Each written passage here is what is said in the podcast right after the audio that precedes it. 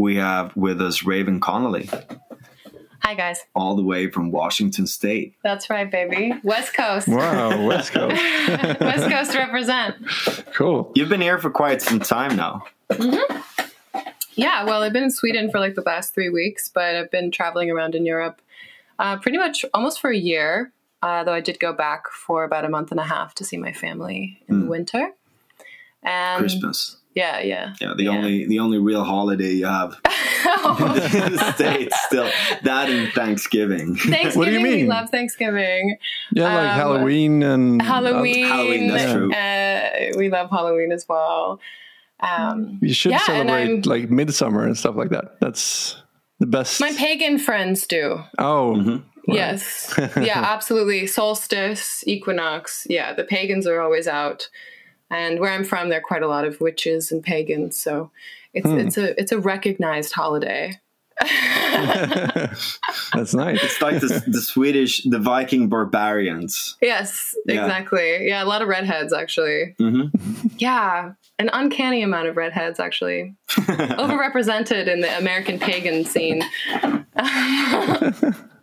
I Aren't think the it's- I mean, redhead from from I- Ireland or is it a Swedish thing? I don't know. Celts. It's Celts. It's yeah, it's the Celtic Yeah. bloodline. Yeah. Yeah. Okay. Yeah.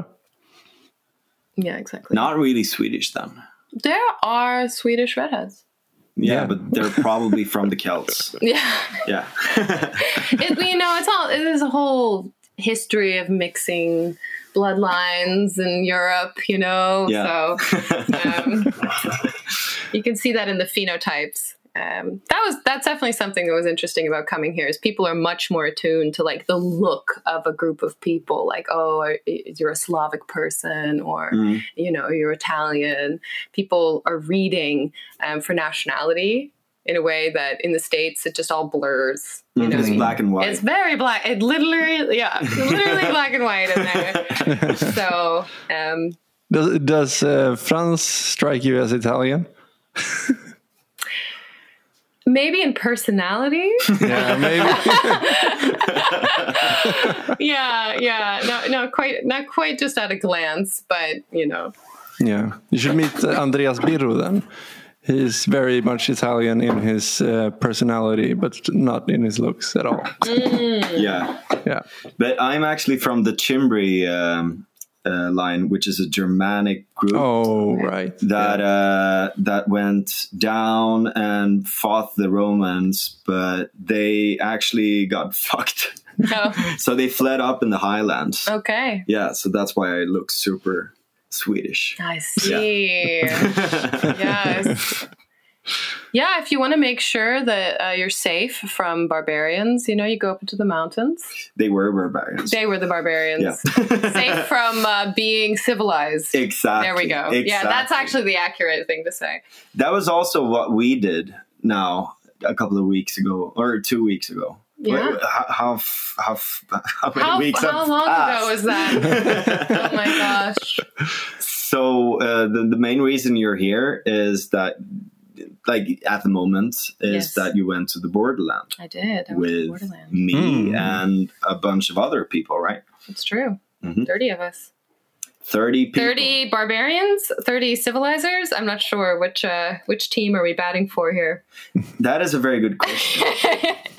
I think the battle, like the the battle, is a bit skewed. It is, It it is. is. It is a different sort of battle going on at the moment. Mm, the machine mm. versus the organic. Mm, that's true. That's that's true. Yeah. I mean, as an Amer- uh, as an American, I'm definitely bringing in the barbarian front. So Yeah. yeah, I'm. Uh, Exactly. Eu- Holding that Europe side is down. actually the civilized. it's a civilized world. Yes. Yeah. We have old norms and tradition, and you guys are just maximizing everything. You are like the the the, the epitome, like the apex of the Faustian machine, it's true. in a sense. Yeah. Yeah, wasn't it like Madhouse. Eraser that said that um, Europe is where the history comes from? kind of, yeah. yeah. Hmm. Yes, yes, and you know, I guess it remains to be seen. Like, is is uh, Borderland going to make history? Exactly. This is a question. Certainly, Burning Man, I think, has made history. I mean, 80,000 people in the desert creating a city from dust and leaving it dust again. Yeah, from dust to dust, It's literally. It's, yeah. it's a pretty impressive situation. Um, and yet, I think um, this potentially the machinic consciousness that we've been kind of talking about has also infiltrated maybe the organic Mhm. material of, of Burning Man.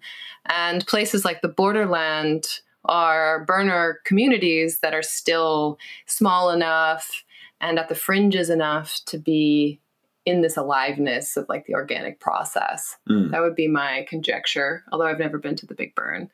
Um, so, but who knows? There were actually a lot of people who had been there and were sort of uh, veterans in a sense that said the same thing like this was something else. And it truly felt like that. Um, this is like my first big burn. And we went in um, hard, Yeah, we did. you could say. Yeah, we went in hard. Uh, so like before I, I think before we, we go into that we can just give a brief story of, of what it is so burning man uh, you, you you tell burning man and i'll do borderland Sure. Okay. I mean, I'm no scholar. you are but maybe not in this I'm no scholar of Burning Man. I mean, I'm just an. I'm. I, this was my first burn, so um, and I'm, I'm an adoptee to the culture quite recently. Um, but at the same time, growing up on the West Coast, I'm actually realizing that my life and upbringing was actually definitely influenced by Burning Man culture, even though I didn't know it. Um, Burning Man is a you know, a very u- unique cultural phenomenon that originated on the west coast of the United States. Um, it started in San Francisco on the beach, and with with with the burning of an effigy, and eventually began to grow into what it's known for today. Um, it has a set of principles that kind of govern the the co-creation of Burning Man um, some of which are, you know, radical self reliance and um, radical inclusion radical inclusion. Oh, what are the other ones? leave no trace Leave no trace. Yeah, what else can you remember?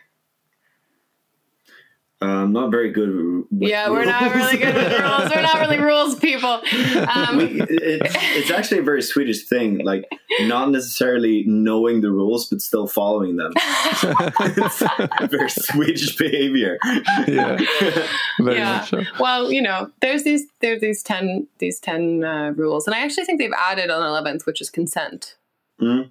I think consent is now uh, part of the part of the Ten look them up. Commandments. It's like Ten Commandments, right? Yeah, of Burning Man. And Uh, Here we uh, uh, uh, go. gifting. gifting, yes. that was very much going on all the time. So there is an interesting as- aspect of it, which is uh, you're not allowed to sell things. yeah. Hmm. And uh, it breaks my capitalist heart. but in this context, I mean, I, I don't think it's a good model for society in Yeah. any sense. I mean, this is like an anarchistic fever dream. Um, and in this context, it's actually really fucking nice because people come prepared uh, with these sort of radical, uh, uh, the radical uh, self reliance thing. Uh, but the de- decommodification aspects of it, and in combination with self reliance, means that you bring more than you actually need. Um, this is also a barrier because it's you know you have to survive either in the desert or in this case the of the borderland the kind of the opposite you have to survive the cold and wet Yeah. not the hot and dry Mhm. uh, it rained a lot um, but you have to be able to handle that for at least a week i was there longer i was there saturday to monday because i built uh, the fucking thing and tore it down as well like Yeah. our camp Yeah, me too. and you were doing that as well. Mhm. Um, and uh, but like you need to come prepared, which means that you need to put in like you need to put in money, you need to put in effort.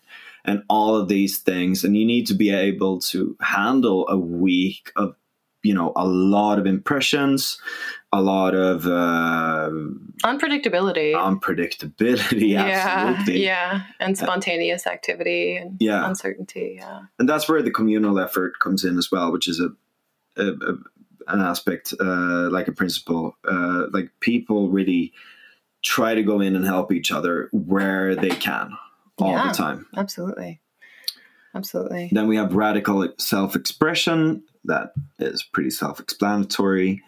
Uh, participation is very, very important here as well. Like, super interesting because um, we were joking about it. It's basically like a dialectic, like creation, interpretation, and then also participation.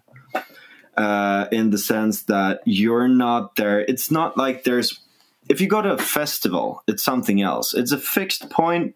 You're looking at a stage, uh, or like a concert or some, something like that. You're looking at a fixed point where you have the lead singer, you have the band, or you have the DJ, whatever, and then you have the people organizing it and the people working in hierarchies down. But here you have like uh, sort of a mycelic network, basically, of different mushrooms popping up here and there there with creative things so it's like a 360 degree of creativeness and absolute fucking madness sometimes as well um, it can be you know like um, we, we built we built like a, a, a platform for clubs conferences uh, uh, jazz jazz Hmm. uh, I sang a lot. Raven did as well. Yeah, we both sang. Hmm. Uh, pottery pottery. We had a psychosurgery. yeah we did we had psychosurgery So we had a lot of psychologists at our place, uh, psychoanalysts psychoanalysts Mhm. more specifically. So Mhm. um, uh, they, uh, yeah, they did like 15 minute psycho analysis of people and then gave them quests. yeah as do. their prescriptions yeah Yeah, absolutely brilliant and, but like then you can go to a lot of different other places. People are you know role going into like characters, sort of role playing in a sense. Uh, there, you know, people are dressed up in all the freakiest ways you can imagine, from dressed down to dressed up. Uh, yeah, it's it's it's like a creative chaos in a sense, but participation participation is key here because it's not just you know people standing with their mouths open looking at things and like "Ah." everyone is sort of involved in things that are happening.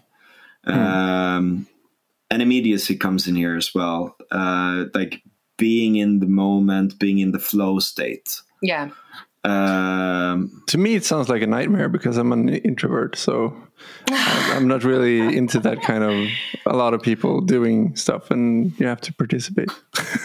But you would wanna leave. actually like this because the thing is that you can participate by uh, in a passive way as well. Like I mean, you would you you could be able. I mean, first off, you would be able to play music there. Yeah, that's cool. In that in that sense, you you don't you don't need to participate in every single moment, but you feel at least that you're participating in building something and Yeah. creating something. Um, it's not like you know everyone needs to have a say if you have a you know everyone everyone doesn't need to sing if you have a concert everyone doesn't need to speak if you have a philosoph- uh, philosophical discussion uh, but everyone brings something to the table Yeah, it sounds really cool. Um, maybe I'll try it next year. Yeah, I mean, I think just for the anthropology, it's certainly an event that's worth experiencing directly. Um, I, I think that so many things solidified in my mind ideas, concepts, and uh, intuitions I've been having about you know how to live in this moment how to how to make sense of of the uncertainty and the complexity of the environment that we're living in this experience actually made a bunch of stuff click for me. And I think that even just to go once to kind of check out what this culture is doing, especially since, you know, you're so close to the borderland, which the speculator the speculators i think the report from some of the legacy burners who were there was like they really feel like borderland has something special that's going on. Um, so there's different cultures that arise in these specific burner regionals and the borderland is in a really cool position and they own the land. they own the land and it's still very small. Hmm. Uh, and there's a lot of space for people to define what it is without there being kind of without inputting yourself into a pre-existing structure and pre-existing hierarchies. Like if you go to the big burn there's so many legacy camps. There's so much already going on. There's that the hierarchy of production is so high. I mean you have like google exec- executives like spending millions of dollars on the art installations that are there but in in borderland the hierarchy is quite flat. And so it really allows for the participation to happen at all scales. Um, Yeah, I, I would say it's like um, on a big scale, it's flat, but there's also sort of compared to maybe the hippie scene or you know the super leftist scenes as well. Mm-hmm. There are local hierarchies oh absolutely yeah. because that's needed for things to happen. Absolutely. And it, it's not. I mean, I wouldn't say it's like ideology, ideologically opposed to any forms of hierarchies. It's it's not an ideological. It's rather sort of a religious thing yeah. or or, or a, a cultural thing.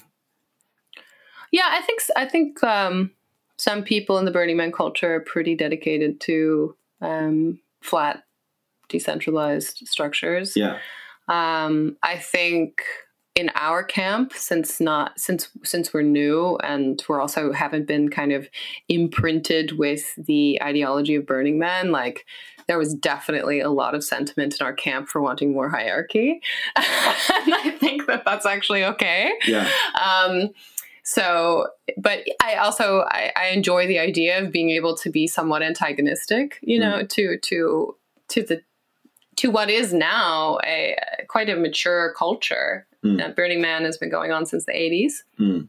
there are people who've been involved for i mean a huge part of their lives so you know the youngsters are always going to come in and like question okay like do we always have to do something in a decentralized way and like obviously there's a lot of advantages to that um, but if you're going to produce an event you need to have reliable systems um, of organization Mhm. to make sure that you actually get the thing where it needs to be on time and have the person who knows how to work it there to make it operational so that at the time you say you're going to have your party, the party's actually starting to happen. Mm. You know, there's a real world um, test yeah. for whether or not you can actually mobilize people around an idea.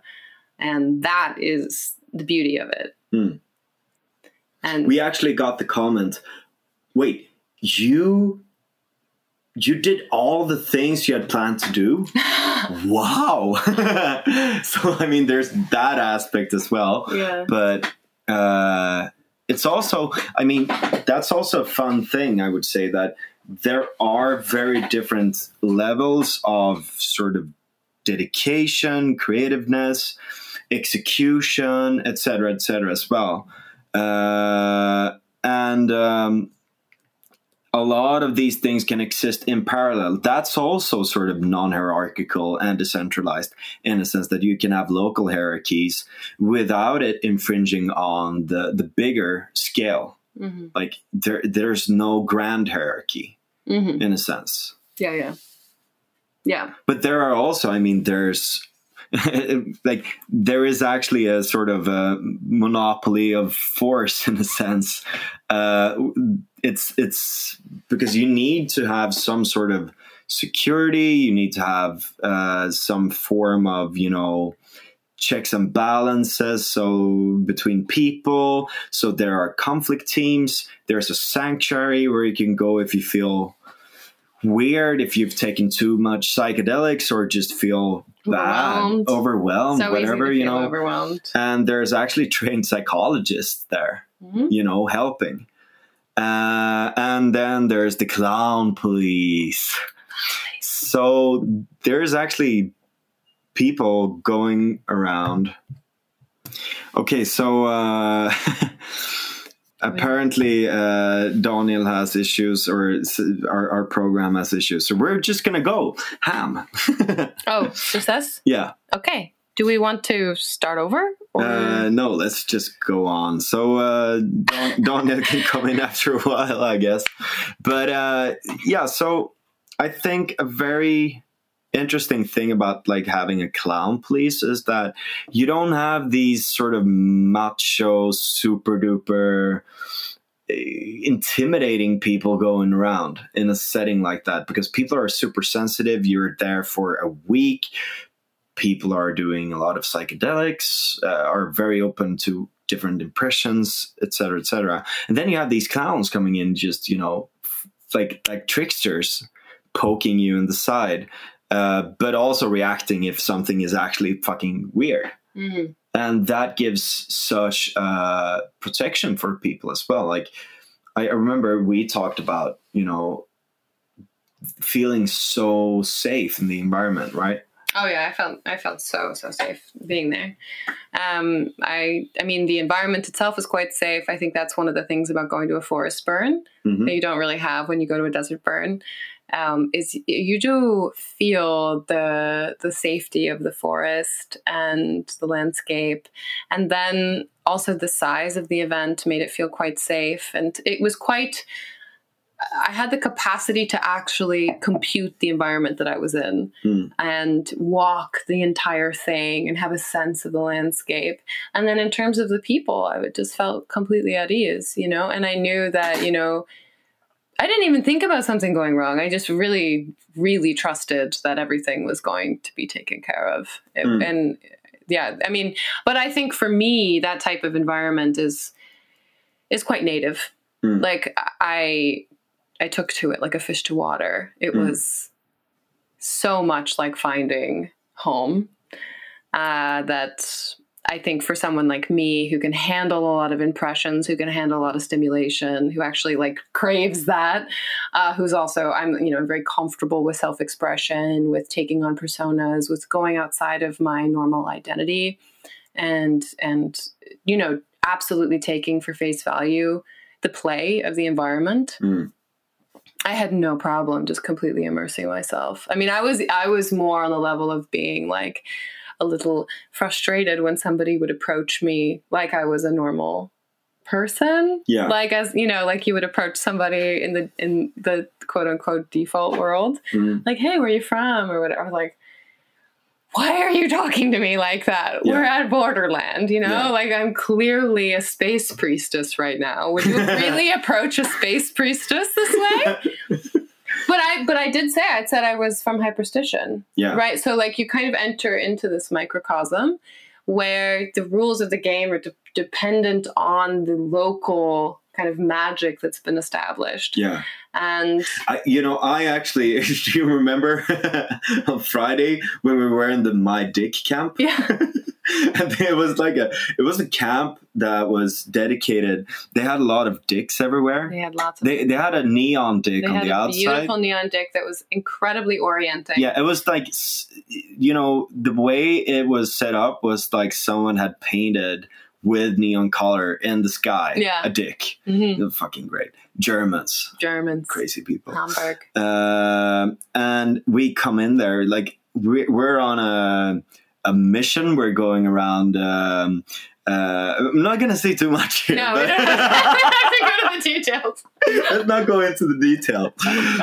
we, you were, uh, uh, uh, we were two space cowboys. Yeah, we were space cowboys. Yeah. Uh, walking around downtown in the small nooks and corners Absolutely. of the small weird experiments and i saw a like dark purple light inside a tent and i want to i was like yeah i want to explore the psycho the psychosis going on inside here uh, so we went in and um, there were it, it- they, they were playing a documentary about like the full details around the one piece universe Yeah. six hour long projected into the tent Yep. dicks hanging around everywhere, Everywhere. and two seemingly normal Germans It- just hanging around just in hanging there. around, but in costume as well. In like costume. they were totally in costume. yeah, So it was this, this extremely surreal experience to be talking to them because the environment was it was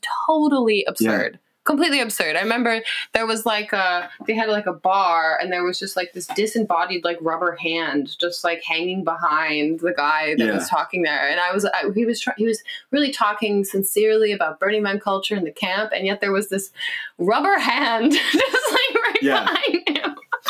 And I went on because I had been in Hamburg recently. Ah, And I went on about the Hanseatic League Yes. and the relations to Swedish history. Um, th- yeah, there's a lot of weird things happening everywhere, uh, and um, and and, and that I mean, I, I I actually felt afterwards like I should have not went into sort of yeah practical details of where they were from. It was my first burn, so it's pretty, you know, self-explanatory that you're not used to that. But um, I really felt like after a few days that I, you know, you, you come into this rhythm, Yeah. mythological rhythm almost, Mhm. and you get sucked into um, to whatever's happening there, and you become like yeah, like a, a, a- magical creature inside that local area and time. Yeah. Yeah. Do you want to talk about um, our camp Yeah, and the, you, the concepts of you can start because Yeah. you were the first one who introduced it to. Uh, yeah, to- to, to our to camp us, leads. Yeah. Um, so our camp, we we really went into concepts. Uh, we're we were basically a camp of rogue intellectuals, Mhm. um, and really wanted to bring that as our gift to to the Burning Man, to the Burning, uh, to the burn. And so our camp was called Hyperstition. And hyperstition is a term that was coined by Nick Land when he was involved in the CCRU. formerly super leftist, kind of weird intellectual, Yeah. gone completely insane fascist, now lives in China. Ch- China. yeah. Yeah. Yeah, exactly. Yeah. Um, but you know, the man has produced some interesting concepts, hyperstition being one of them. Yeah, undoubtedly. Yeah. So, um, hyperstition basically plays on on superstition, right? Um, but instead of super as the prefix, replacing it with hyper, which is to basically say this concept names the idea of fictions that make themselves real, or take it a step further, the concept of retrocausality. Basically, the idea that there are future entities that are creating themselves through transmitting signal into into the past, into the present. Um, and that's basically how certain types of things are created in the world. You you can actually for for the viewer uh, for the listeners that have uh, listened to the episode I did on memetics it really tunes into that concept as well like the emergent structures of uh, the, the emergence of mimetic structures that has a top down effect as well Absolutely. yeah Um, and but I'm- this is a bit different it's a little bit well. different and also like if if you this is like quite high level and just to get us on board onto this idea but if you go deep into nick land's stuff you know he's a kantian and in in kantian philosophy time is this kind of transcendental thing there really isn't a past present future that in the way in which we understand causality Mhm. in the material world like time kind of is this object that is outside of the normal structures of reality. So we don't have to go into that because basically for the camp we were really we were trying to touch into this um these the, the concept of fictions becoming real but also the idea of, the, of a hyperobject and this is a concept that was coined by timothy morton in his book uh, hyperobject um, which is actually one of my favorite books of philosophy. And so it's been very satisfying to me that this concept comes up over and over and over again. It was the first philosophy that I ever fell in love with was actually was was hyperobjects and a hyperobject is, a, is an object that um, is exceeds spatial and temporal scale relative to humans It's an object that can only be contacted by fragments of its appearance. Essentially, you can use statistics, you can use various forms of, of you know anthropology or um, of deduction to try and sense this object, but ultimately it exists beyond reach, beyond perception for the human observer. So humanity itself is a hyperobject. Um, weather is a hyperobject, Earth is a hyperobject, civilization is a hyperobject. And yet we can touch the footprints of this hyperobject. And because hyperobjects exist at this temporal scale that exceeds you know the the minuscule experience of time that the human being can actually connect with the idea here is that there's potentially these hyperobjects that are existing on a time scale that is bigger than we can perceive that are able to transmit signals to our sense of the present moment and if we are capable of being good receivers we can actually serve the interests of this hyperobject. And in, in that case, kind of manifest its existence. Yeah. So that's how these two concepts sit together this hyperstition and this hyperobject kind of go hand in hand. Um, and for us, like we had a strong element in the camp, uh, we had these um, uh, parabolas. We had like you know for like your your your telecom communication system for your TV you know you have these uh fuck do you call them antennas antennas that you put on your house so we collected all these antennas and we had all this these symbolic art and we had one that was covered in uh, disco mirrors and that represented uh, receiving signal you know from from some some larger place so we had so many different layers of metaphorical yeah. um, uh, representation of, mm. of these high abstractions. Yeah. Um, we also did some performance art. I was part of um, kind of co creating the performance art during our opening ceremony, where I read a poem that was um, in the voice of, of, a kind of alien robot woman. speaking to the audience, welcoming them to hyperstition and to our um, to our information exchange and explaining to them what role they had to play in the kind of hyperstitional creation of, of Borderland, mm. that they are participants in picking up the signal. So, and not only that, then the next day we actually had the conference that, that you hosted, mm. where Sebastian, who is one of the leaders of our camp, broke down the concepts. Yeah. And and and not in a Kantian way though. No, no, no, no. Our, our version of it, I, I, I, would say, and that might be a little bit of my coloring to it as well, mm-hmm. because I'm an emergentist. Mm-hmm. I'm, I, am not a dualist. Mm-hmm. Um, so, like the difference there is that you can see these hyper objects as actual entities in a sense, yeah, yeah. existing on this plane Sure. Uh, like metaphysical objects or entities or um, like interdimensional configurations, whatever you want to name them. Uh, but I mean, I would rather say that they are emergent from our imagination, mm-hmm. both on an indiv- it could be on, on on an individual level, but also a social level mm-hmm. or a mass uh, mass social level as well. Mm-hmm.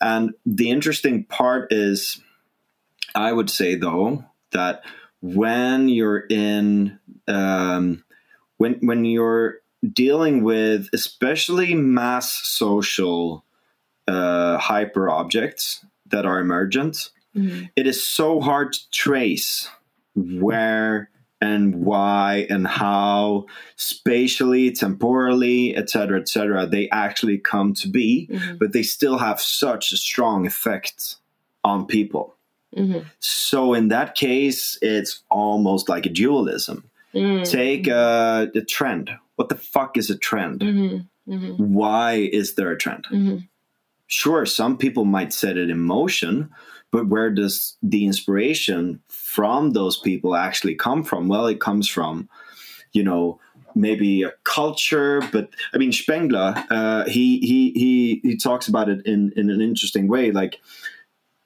sometimes these things are a part of a culture. They they might you know be there sifting around a little bit, but then some people actually take that and make something of it. Yeah, yeah. You know, you have some people that spark that fire. Yeah. Uh, it can go to the extreme. I mean, Hegel, when, when Napoleon rode into Hegel's uh, hometown, Mhm. he said, "This is, uh, you know, the the world geist uh, contained in one person, basically." Mm, mm. So you, you have these moments where some people actually take control or becomes like the the vessel Yeah. for it.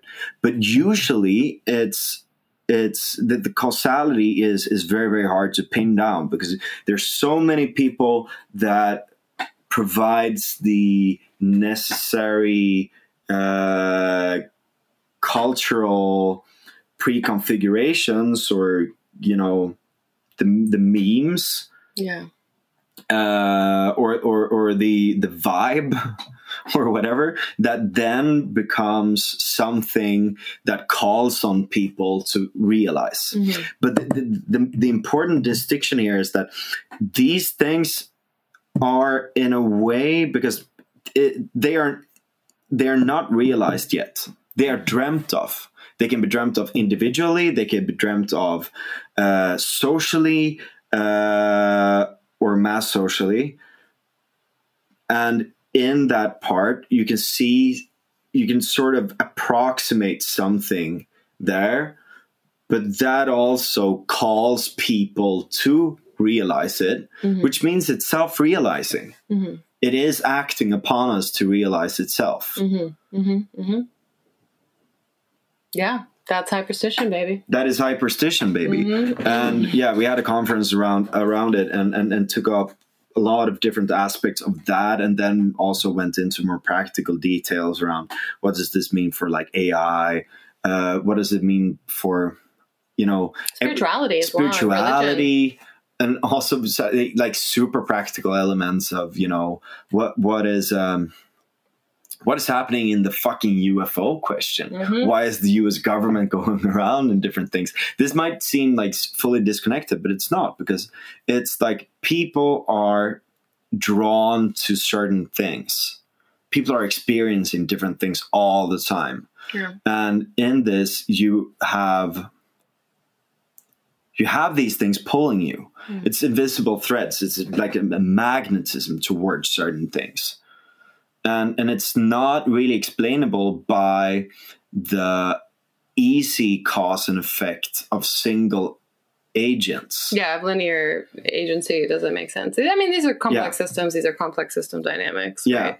But metaphysical complex systems, Mm, mm, mm, hmm Yeah, no, that's definitely true. That's definitely true. and it's also a very interesting aspect of it as well. We had someone talking about retrostation, uh, specifically uh, Charlemagne and. Um, uh, the whole Roman Empire, where he wanted to sort of revitalize the idea of of, of, of an empire like that, uh, and and and that is also sort of a way like the the, the non temporality of it is interesting because it can call you like old things can call you to to realize itself again new things that are not there like dead things and things that are not even born yet can call you in a sense Yeah, absolutely. Yeah, absolutely. Yeah, and I think the borderland as well is an, an environment for experimenting with with trend setting and or you know that's a that's a much more like basic way of, of saying it. Hyperstition is a a little more esoteric, but you know how can how can you seed situations? How can you produce uh, unpredictable experiences for people where they get to get in touch with a new part of themselves, Mm. with something that they've never seen or touched or Mm. been in contact with before. Uh, it's, I mean, that was kind of uh, that was the, the goal of the of the surgery, the psychosurgery was like, okay, yeah, you have this problem. You're sitting inside of a worldview that doesn't allow for you to see how to liberate yourself from this from this set of constraints. Mm. Well, what if we gave you a quest? Mm. And your quest is is to illuminate this new perspective, to get in touch with some sort of open possibility that allows for the transformation, the recontextualization of this Mm. uh, pre existing problem that you may have. Mm. And the Borderland offers that material for play for anyone who takes up the mantle of the magician. Hmm. The magician archetype really comes alive in this context. Yeah, it does. Same with the trickster. Yeah, Um, and because and the if slut. and the slut, oh, of course, of course, the slut is definitely there. Um, yeah, and I mean, I, I, yeah, for me, I see it as like a big playground. It's uh, I'm very interested in conceptual art, immersive experiences. I think that um, we're you know we're in an era of of peak saturation of the representations of the world, representations of stories yeah, but to put yourself into a story an open-ended story with characters that you can't predict you you don't know a script that you haven't read before Hmm. something that uh, a place that allows for you to choose your own adventure if you decide to enter in in that capacity Hmm. and take what others are giving you as the material for play that yeah. that that exists there And that's almost like a sixth sense. Sixth Yes. sense, in a sense. absolutely Yeah, it's it's like it's like an antenna. Mhm. It's like opening yourself up to be able to go into that. It's it's a bit like, I mean, Jonathan Haidt has this concept of hive psychology, right? Mhm, mhm. uh, which is basically we are 90% ape, 10% bee or ant or something like that. Like we have that antenna to go into the hivishness. yeah But you could also argue, actually, come to think of it, that we have like 10% also hivishness towards the like it's not just being in, in a hive because that is kind of mechanistic Mhm. but this is more magical so we also have the opportunity to actually go into a spiritual realm be it real or not Mhm. imagining it going into to play going into ritual going into um, trying to play with these magical concepts or uh, situations or uh, totems symbols uh, whatever you know like we have that ability if Mm. we open ourselves up to it this might sound super fucking kooky Yeah, it is good but it is. I mean, it That's is kooky. fucking kooky, okay. but it, it works. I mean, it's Yeah. it's not a coincidence that we have religion. Mhm. That doesn't mean that the sort of supernatural exists in a sense of uh, spooky ghosts and uh, and and uh, actual gods, but Mhm. um, something draws us and something can be uh, i mean everything from enticing and and and uh, you know you can be curious about it you can feel meaning to actually being overwhelming or terrifying or whatever you know it, it, it, it provokes very strong emotions Yeah, yeah, absolutely. And um, it's, yeah, it's an invitation. Like for me, you know, we're primed to this world now. I think anybody who spent significant amounts of time on the internet um, playing video games, you're primed for Mhm. this type of environment. Um, of course, if you can handle all of the filters like the, the the natural environment and having to get all your shit together to go there and whatever, but like that is also sort of emergent. sorry to, to Yeah, yeah, stop you there but like sort of a spiritual emergence you need to have a ground in order to build something tall Yeah. yeah Yeah. you need Yeah. to have deep roots in order to reach the sky Yeah. as jung said Yeah. absolutely absolutely yeah so uh, but the you know there and there are some video games that simulate this kind of thing where there's initial conditions that are determined um like like eve i think is one of these games Yeah. where you know you can you can go out there and build ships but it's not defined what's going to happen Hmm. you know the players define what happens Hmm. because they're making strategic decisions they're making investments Hmm. and they're starting their own wars and uh the, borderland is like that in the sense that you go there and you create your own experience. It is your live your own adventure. You can decide exactly what you want to do. And that is what's promoted in the culture. The idea is like if you go to the borderlands, if you go to a burn, you're there for your experience. Like, yeah, we're participating and we're joining together. But if there's ever a moment where you're bored, stop doing that. Yeah. Stop being there. Yeah. You owe no one anything. Yep. This is your burn. Yep. You go and have your adventure. There's Mm. no reason why you should be standing there having a conversation you don't want to have. Yeah. There, th- because it's also an intentional game. Mm. And if no, if people aren't calibrated, if people aren't in touch with exactly what their attention wants them to be experiencing, it kind of ends up ruining the game for everyone Yeah. because what's best is when everyone is in touch with exactly what they want to In be the flow state. in the flow state Yeah. and doesn't feel trapped Mm. in some sort of social situation they don't want to be in Yeah. You know It's like the opposite of claustrophobia. yeah yeah yeah yeah yeah, sense. Mm. exactly and i think that's another thing about it uh, that's really beautiful actually because people are often dealing with social situations they don't want to be in Mm. and then you walk into this culture and people are like no Mm. I support you having your experience. Mm. Don't stand here talking to me if you don't want to. Yeah. Go do the thing that you want to do.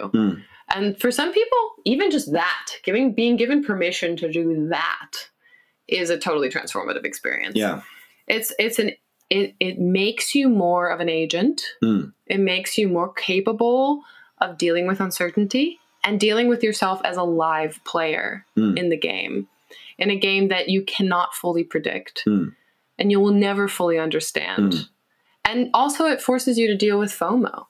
Forces you to deal with the fact that there are other agents that exist for whom you will not ever be able to fully understand and your experience cannot be their experience. Mm. There is this like space between subjects Mm.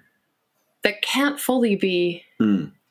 transcended. and it's there it's real you can meet these people etc etc it's not like the internet because i mean in the internet you have a disconnect Yeah. You can look at you know people's instagram pages blah blah blah blah. You can idolize people all that shit. You don't meet these people. They are um, they could be fucking ai generated for you know. All you know.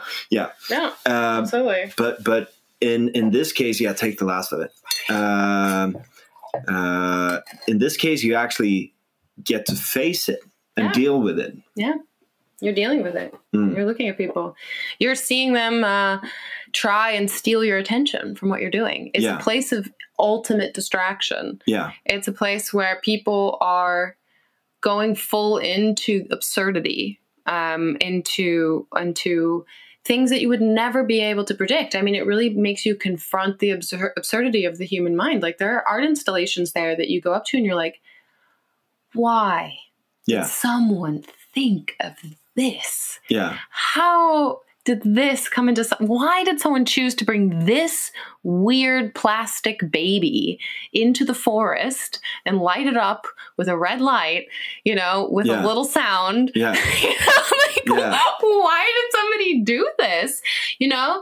And you're constantly confronted with that yeah. over and over and over again. And the closer that you look the more weirdness you find. Yeah. It's i mean it's like looking into a microscope and looking down into the material of the universe and you just keep finding weird squiggly strange things creating life creating Yeah. patterns and th- i mean that experience if you can handle it is so it's such a representation of Yeah. reality of like the micro the macrocosm of like you know the evolutionary process of being a living thing hmm and that's where it actually starts to actually have real world appliance. Yeah. And also be religious. Yeah. Absolutely. An awe-inspiring experience where you feel you're connecting to something that's beyond your small little perception. Yeah. Yeah. It's it, it's super real and it's also supernatural in a sense it's definitely it's definitely more than natural you would never mistake burning man for some sort of naturalist back to nature you know, hippie Yeah. thing. Absolutely. Absolutely. like never. Never. There's so much rubber weirdness and like yeah. the products of capitalism. Yeah. You know, I mean, and I think that that's another part of it that's really beautiful is like we live in an absurd reality where there are Mm. these like objects that you just can't. You're just like, why did somebody make this toy? This is just like the, the most obscene things that you Mm. could ever imagine that we just deal with on a day to day basis. Mm. But they're presented to us in a constrained way.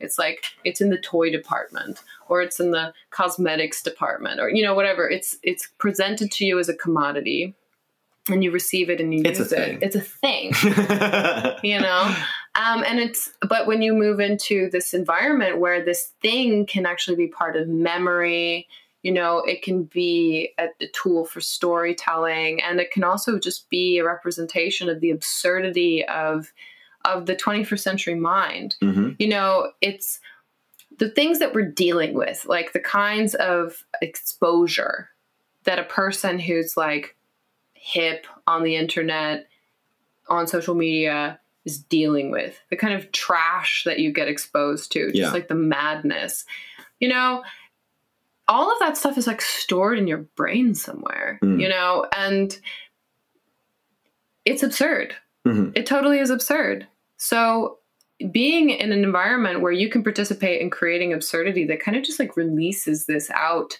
and you can see the collective imagination and the exposure of the human mind as not being some sort of rational thing that's always thinking in terms of efficiencies and productivity and doing what The machine. the materially functional. Mm. It's actually this place where strange combinations can arise Mm. weird cartoons and and um, representations of, of the world are living in there, kind of Mm. like breeding and creating these monsters. Yeah. Demons, angels, and everything in between. Everything in between. Yeah. Like that is just as much. Tomtar. Like small, uh, we don't have that word, but it's like small gnomes. you know? Yeah, tomtar troll. Absolutely. Absolutely. You know, and these projections, right, like have turned into fairy tales, into stories, and obviously we represent these things in media and performance. Um, but in in the scientific worldview, there's no place for this as like a as a thing that you can interact with, Yeah. you know, directly as a person. Um, and in a in an environment like the borderland, you can Yep.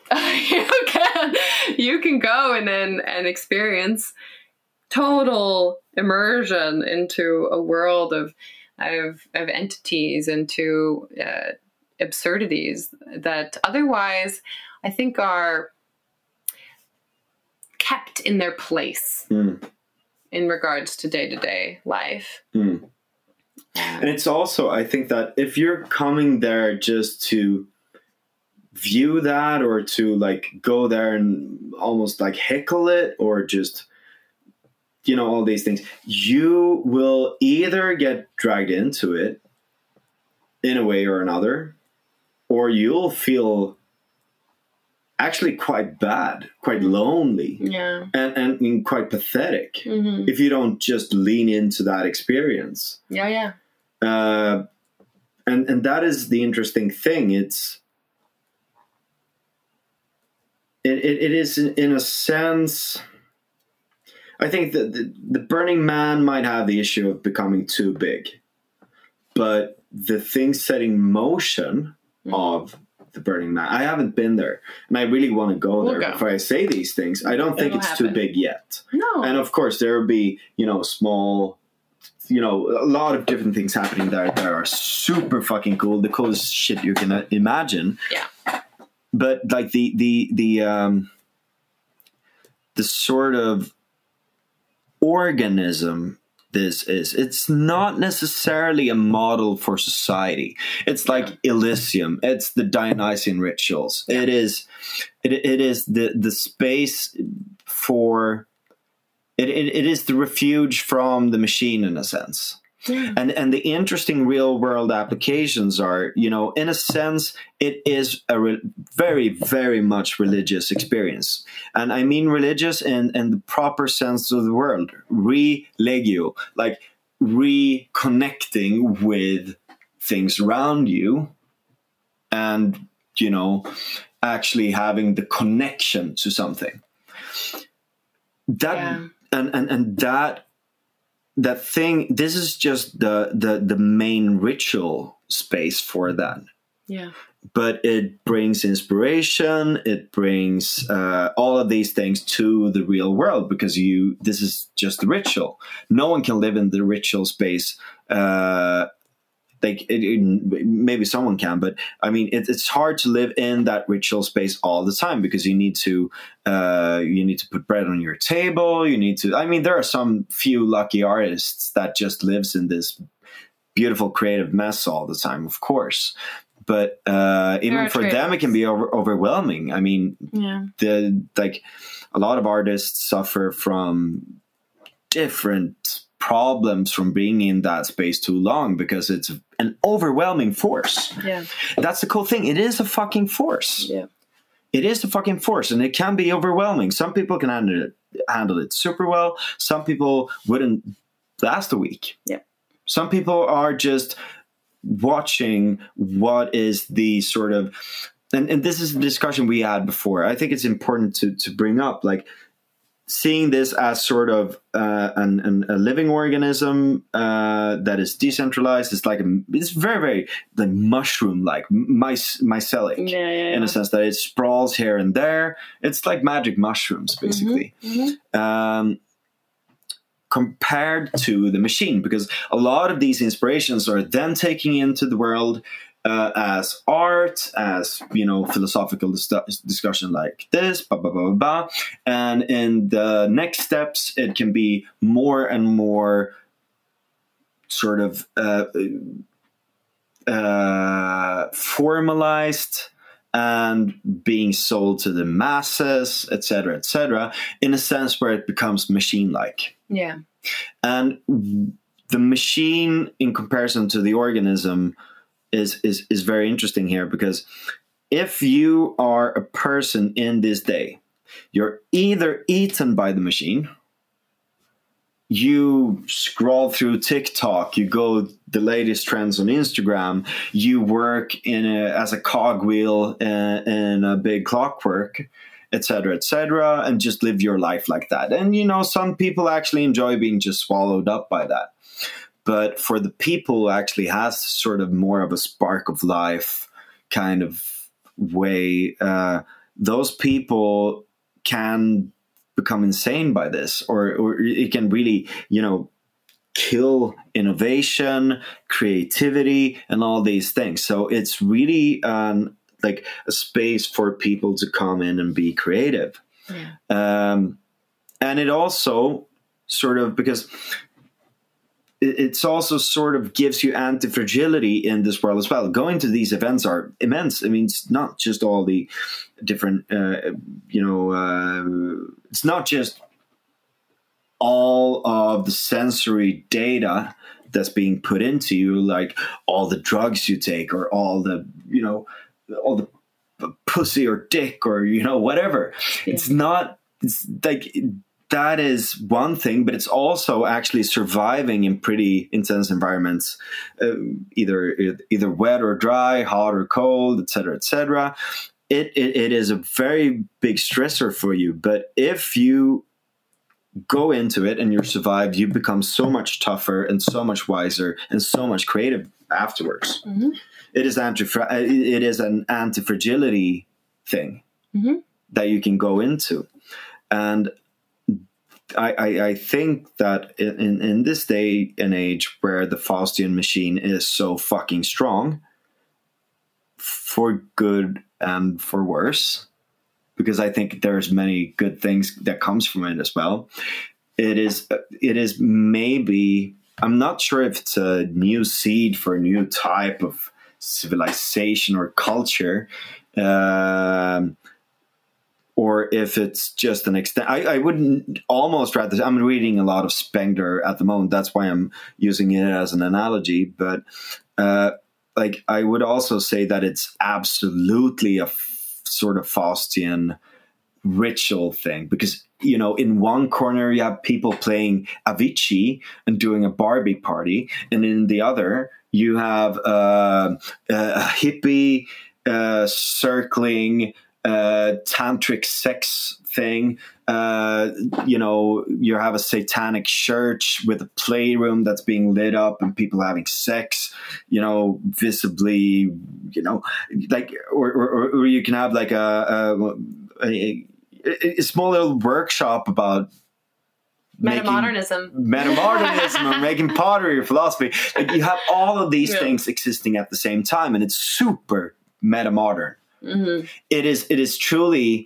If, if it's anything, I think the the concept of metamodernism is very, you know, it's sort of it's hard to grasp.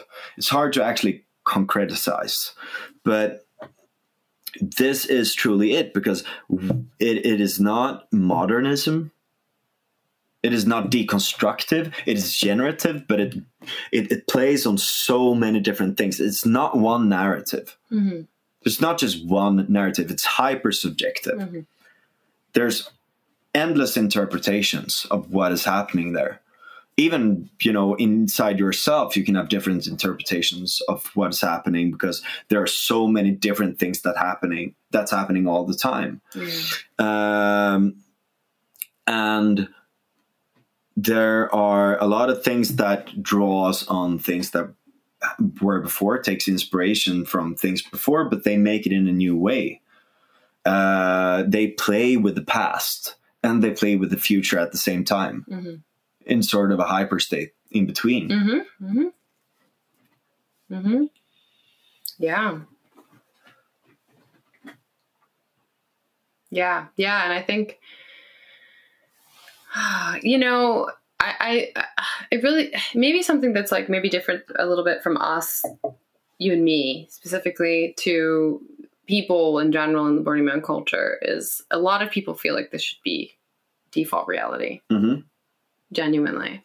Um and i don't i don't think that you don't think that no no we- no we, we're not convinced that that's the way to go you can't build a society on acid no you really can't you know I um, mean, I'm, I'm just taking acid all the time. You, you- have you seen the meme "stoner societies versus alcoholic societies"? no. Okay, I need to show it show it real quick. oh my gosh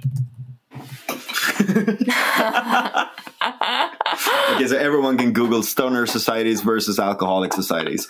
Uh, uh, pause. Pause now. so funny. but there is a point to it. Like, the, um, I, I, I, it is. I mean, it all boils down to Apollon versus Dionysus. Yeah. We live in a way, way, way too Apollon, uh, Apollonian society at the moment. Yeah. Uh, and and and uh, like the, the the Dionysian aspects of it is feigned. It's for. It's pseudo. In in a lot of senses, it's like people acting crazy for the gram, for Mhm, TikTok, yeah. all these things. It, it, it- it's hyper like it's hyper reality. It- yeah it's, yeah in, in Deleuzian terms, it's Sure. it, it's it's uh, it's not sincere. It's not Mhm. authentic. But this is authentic play. yeah this yeah This is authentic Yeah, is play real in play. contrast Yeah. to just you know uh, trying to capture people's attention. yeah on instagram or whatever so superficial It is. It is. Mhm. I mean, not always, but in a lot of times it is. And yeah and um, um, I think that the combination of bringing authentic play into society is important, Mhm. but you can't play all the time. No. you gotta work sometimes You got to work. You gotta do stuff. You gotta contribute to the continuation of civilization, or Yeah. else our descendants will not get to have the great time that we get to have. Decadence. Decadence. it's uh, this. Oh my gosh! Wow. Decadence and Decay from Ancient Rome to the Present. Beautiful book. Beautiful book. Was this published Yeah, by, by your, us. Uh-huh. wow. but it, it, but it, it truly, we can look at this afterwards. I just my ADHD is kicking in there. Of course. Uh, but yeah, it's it, it becomes decadence. Yeah. Like what, the, and and that is also, I think, the um, the dangers of movements like this. I mean, what happened to the hippie movement? What can we learn from that? Because the, the aftermaths of the hippie movement weren't necessarily super great. No. no. Uh, and, and, and a lot of the ideas that were there were, I mean, it, it's, it's one thing channeling symbols, doing rituals, and all these things for inspiration, etc. But you also need to check it with base reality in a sense as well. What works, what doesn't work. Look at the um, we we were at Moderna Museet uh, uh, yesterday, Sunday. Sunday. Mm-hmm. Time time goes fast, uh, and and we went through um, like the um, sort of uh, uh, nature goddess movement Mm-hmm. of the hippies Mm-hmm. uh, and and and you know that didn't want to have nuclear power that didn't want to have you know anything they wanted to go back to nature to They didn't want to cut down any trees anymore. yeah don't cut it down no more anything. trees. Can't cut down trees anymore. yeah all of those things and it's like yeah that is a dream world Yeah, it's not gonna. and happen. you can go guys. into the dream world and you can learn things from it. The same way where you can have a dream but you wake up and you're like oh that was an interesting dream. I actually got to learn something from this dream maybe. You know Yeah, you're post a dilemma in your dream uh, and you actually learn from it. Or you read a book. You read harry potter right? And you can and you as a kid you, you read harry potter as a kid you go into authentic play you learn a lot of things because there's metaphor symbolism all of these things inspiration but you can't just sit there as a fucking 30 year old waiting for your letter to hogwarts. You're not going to get in right? And and that's the thing about religion and spirituality and all these things. It is things we can play with Yeah, but losing your mind doesn't lead you anywhere. yeah. Well, I think ultimately secession Mhm. is one of the biggest problems that humans have to solve. The what? Secession. You know, Oh, how do yeah, you pass absolutely. down the information that's been accumulated in your lifetime? Absolutely. you know, how do you produce an artifact? But Mm. not more than that, how do you produce a culture that's able to collect information and pass it down on an on aggregate? Yeah. Uh, that I mean, that's a bigger problem than you know being an individual who's seeking some sort of immortality through their legacy. Mhm. You produce a culture that's able to contain and store and keep information living? Yeah. and in that sense endow the future with the accumulated wisdom of previous generations Mhm. that's that's extremely difficult problem you could see Especially in a culture that is like worshiping, uh, like the the uh, infantility or or like the Yeah. youth in a sense that Yeah. it, like it is one thing worshiping uh, vi- the, the, like the youth's vitalism. sure sure That is one it's the thing. raw energy But of youth Infantilism yeah or uh, acting like a fucking child hmm is another thing, totally. And and and, and that is maybe our parents' generation's biggest flaw, and Sure. and that they you know kept on doing. Like. Uh, it, it's new, therefore it's good, sure. Or it's the kids are doing it, therefore it's good, et cetera etc., etc. Yeah. Well, I mean, I think part of this is, has has to do with the uh, the, the mechanisms of, of capitalism. Unfortunately, like there's just an incentive to capture uh, youth Yeah. and turn it into economic growth. true. And that means that our mimetic structures, our advertising structures, like the kind what is visible in our collective space, what what are the trends? Well, they're ultimately trying to capture the attention of of 18 year olds because let's say you can onboard an 18 year old to Black Lives Matter. Mhm. That's a consumer of that ideology potentially for decades, Exactly. right? So, you know, And you can print it on T-shirts and sell it. exactly. And Yeah. like these people You can take will the invest actual in living moment and just the machine swallows it and Yeah. prints it on a and, T-shirt. and the Yeah. younger you can get people invested in specific worldviews and memes, the more that you've created a consumer who will continue to buy into those structures Mhm. and to have nostalgia that's linked to those structures. For example, like the music that we listen to when we're teenagers comes back to us in the for the rest of our lives. Yeah. Um, it, it- nostalgia is an extremely powerful emotion, Mhm. and it's all about capturing the memories of young people. Yeah. And then they will continue to re- reference those memories for the rest of their life Mhm. uh, especially if they're past oriented, which most human beings really quite frankly are. Yeah. They're always in reference to their past. It's comforting. It's comforting, yeah, because the future is so uncertain. Mm. And that's very typical human programming. And also, Even like, more uncertain today as well. yeah, It's becoming more and more uncertain. yeah, yeah. Why Yeah. would you want to face the future when it's so fucking complicated and you don't know what's going to happen? Mm. Why don't you just go back to the bands you used to listen to when you were tw- 13? Yeah. you know? Or the When you- movies. The movies. Oh, they the just released a new version of this old just- movie, yeah. released it. Now I get to go sit in that feeling of nostalgia. You know, it's very Yeah. comfortable. Um, and I get it. It's like a safety blanket for dealing with the fucking complexity of, of, Mm. of today and the real uncertainty about whether or not we're going to be able to pass down the treasures of this moment to the future. Mm. And of course, we also have the increasing trend where people are just giving up on the future just entirely. I mean, it, it is in the sense like the end times for some people. They're like, we don't really see the point of continuing this. We don't really see the point of having little people around who are going to have to be onboarded into the civilization. There's no reason for me to invest in that. I mean, why don't we just end it all now? I'll be the last generation. Like we're we're really in the last generation. People don't want to keep going. And so for the for the few of us who do think that this experiment's worthwhile, hmm you know, uh, we have to take on different. We have to be in different environments. We have to take on different ideas, and we have to also be ca- calculating the fact that we're not the majority Yeah. into our models um, of how the future will unfold. Mm. Um, and it's uh, it, it's it's really it is really hard to do. Um, and you know, we were discussing earlier like how something like the borderland is kind of a boot camp hmm for trying to have the mental fortitude and capacity and also emotional strength um, and and the mental flexibility to deal with the staggering amounts of uncertainty that we're dealing with today.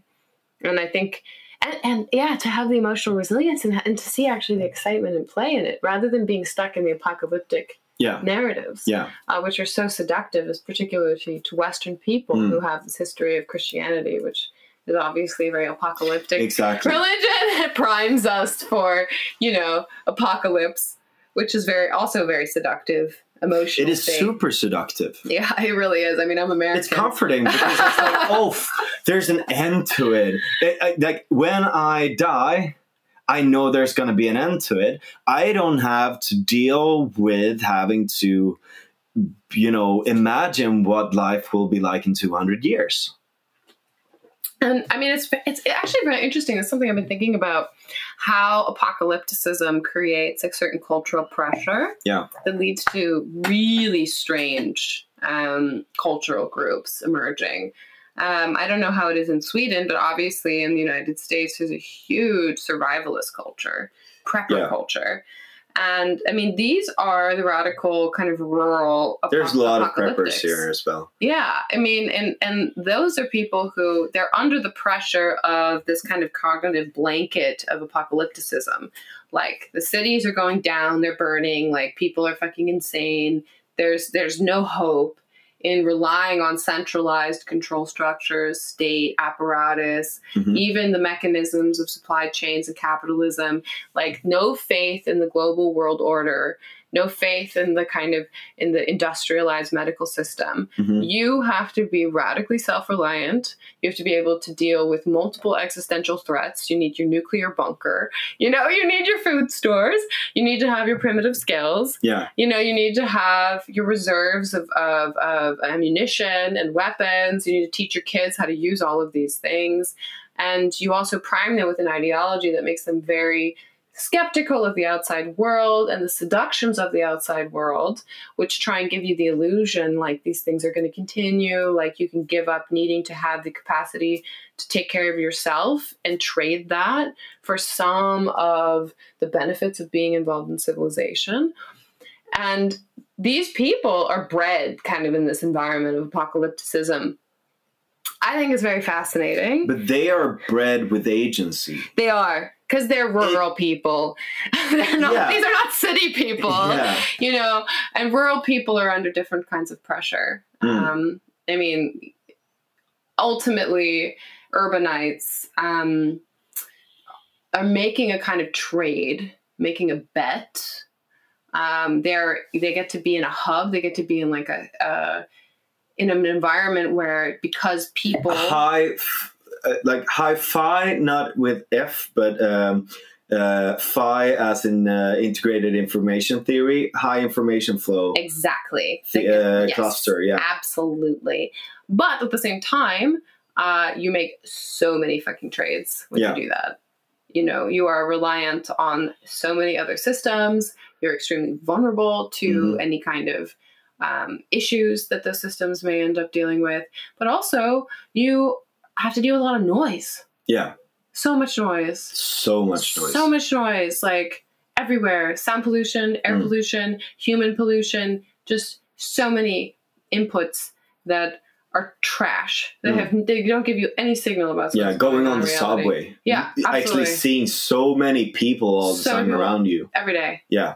That's just like and especially if you live in a shit city you may be dealing with like who knows yeah yeah yeah so so the rain i mean you've lived in portland i live in Portland. yeah and the bay area it's not And necessarily a shit city but there's a lot of shit going on Oh my god, there's so much shit going on there. Yeah, I, I mean, God, yeah, living in the United States, like, especially if you travel around and, and kind of visit the different pockets, like, whoa, the just degree of insanity yeah it's just. I remember that was one of our first conversations. Uh, we were, I think, we were walking in Stockholm. This was the last time we were you were here, Mhm. and uh, something weird happened.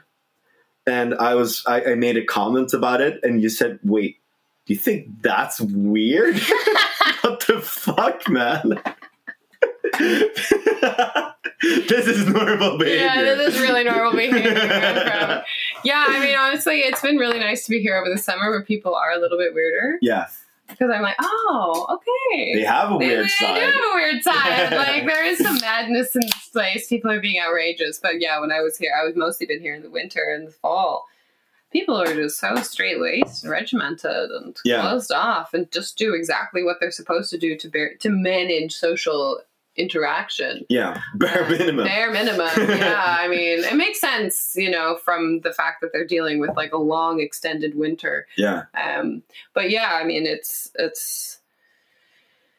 Whew, yeah, yeah. I mean, that's a whole podcast talking about the United States. Yeah, yeah, yeah. Oh my god. Next time. Like, wow. Okay. But- I mean, but but it, it's actually quite fascinating. I mean, how something that is so chaotic, like uh, going to a big burn or uh, or diving living in some- Portland, Oregon.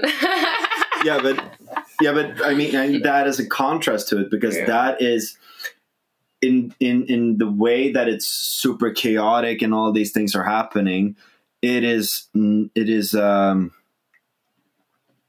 sort of an intention to it, Mhm. which stabilizes it and, and makes it graspable. sure, totally. There's agency in what is happening all the time, in a sense Mhm. compared to the the chaos, like the the uncontrolled entropic noise Mm. of the cities, Totally, absolutely, absolutely. Yeah, yeah, yeah, totally.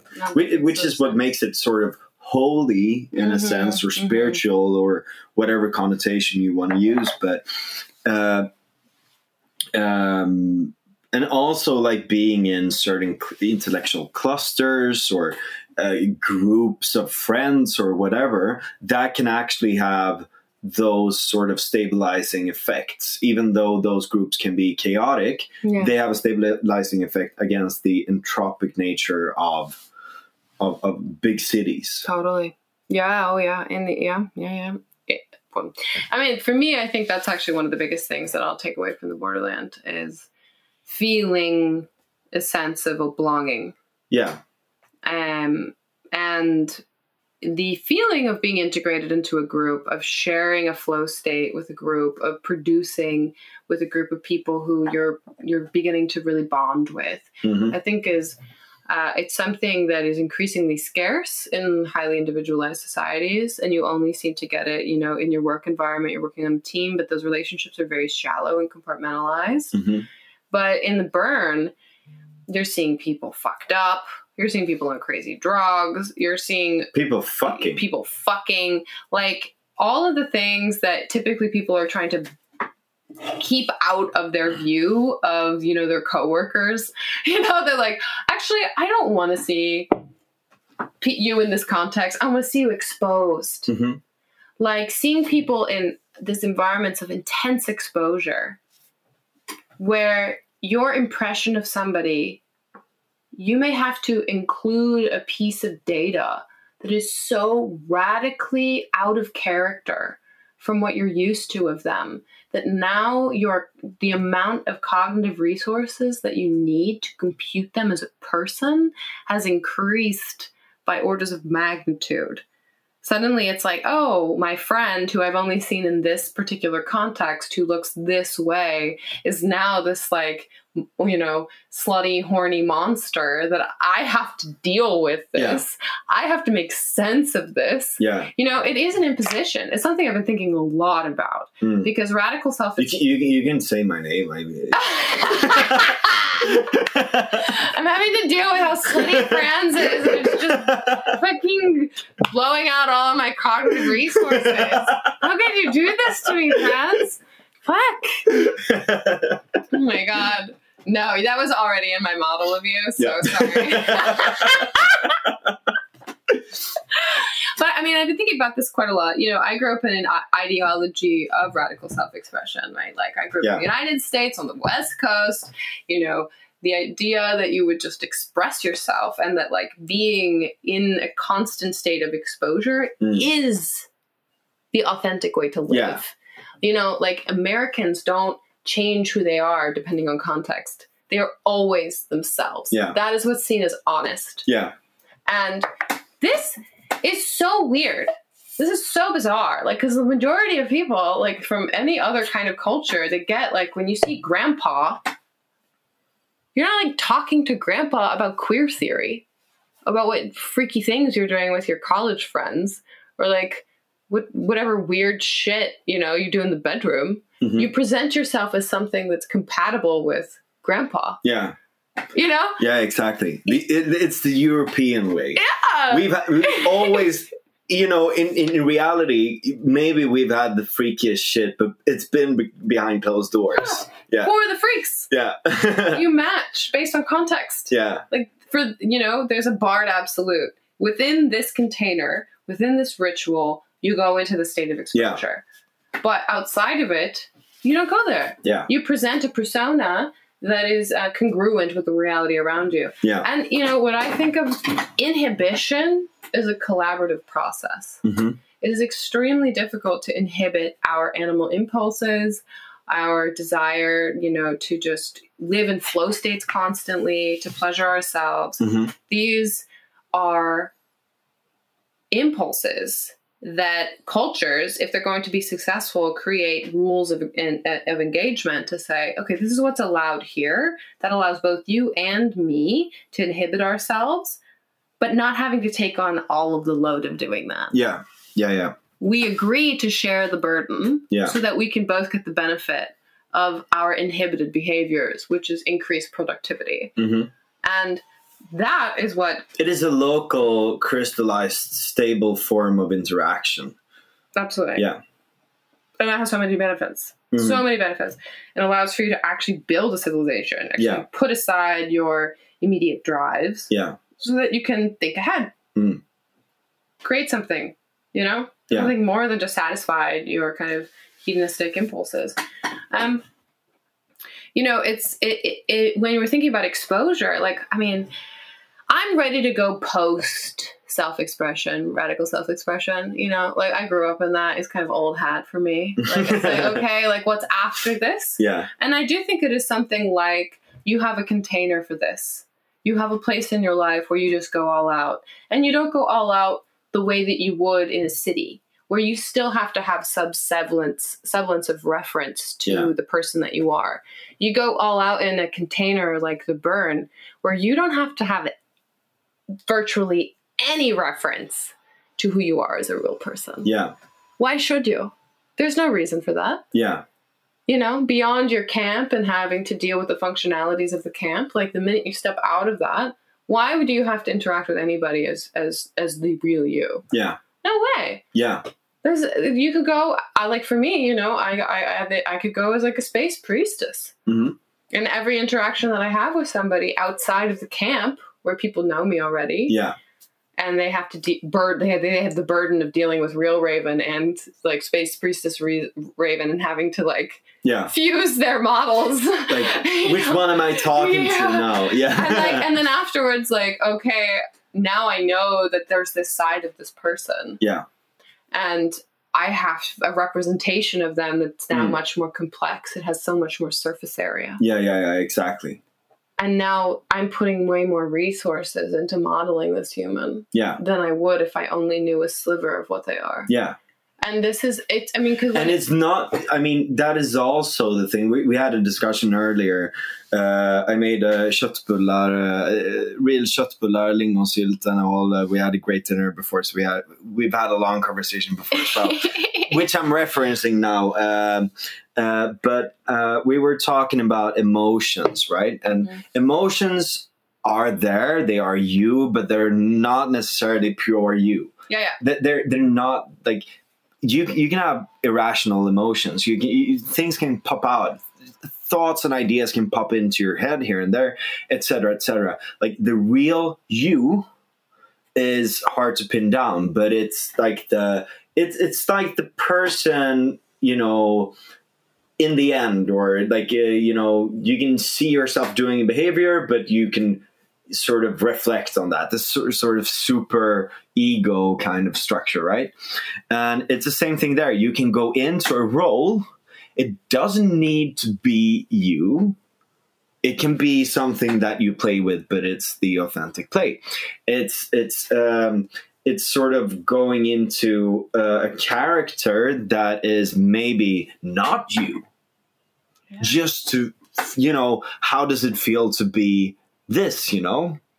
Um and and that in itself doesn't need to be it doesn't need to be a part of your whole identity. It can be yeah it can be just a play of it.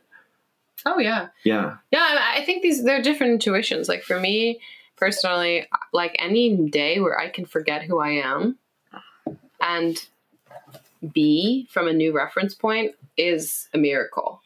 Like that is a place where I can genuinely begin to explore from some counter subjectivity. hmm And that's so Dionysian yeah so fucking Dionysian. It's shapeshifter. hmm Shapeshifters are always trying to find new reference points in which to kind of recatalyze the origin of things. yeah Begin from a new place, and and in a sense, this is a this is almost like a um, it's trying to play with the set the, t- with time.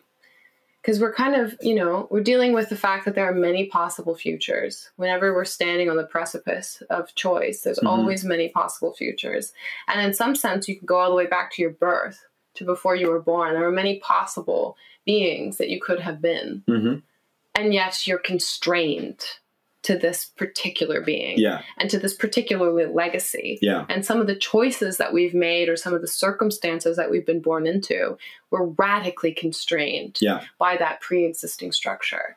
But the shapeshifter is someone who is like forcing like that constraint you know as much as possible to try and like push beyond it Mm. to say like okay yes i'm here right now but here i am i've i've come my river runs to the borderland And the moment I step into this place, I can start from a new reference point. Yeah.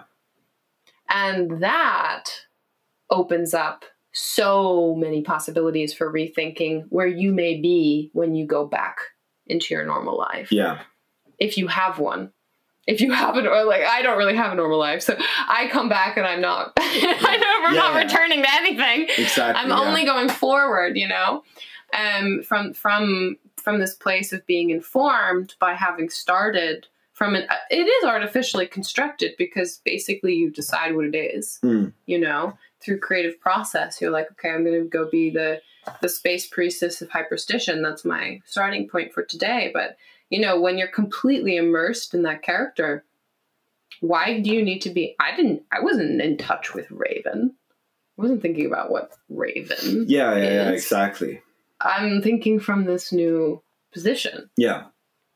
And that kind of cognitive flexibility, hmm um, I think, is really crucial. Like, Super. that's the boot camp, you know? Super. Do you have that cognitive flexibility? It's funny because you've seen me. We haven't known each other for that long in sort of a you know actual hours spent together, right?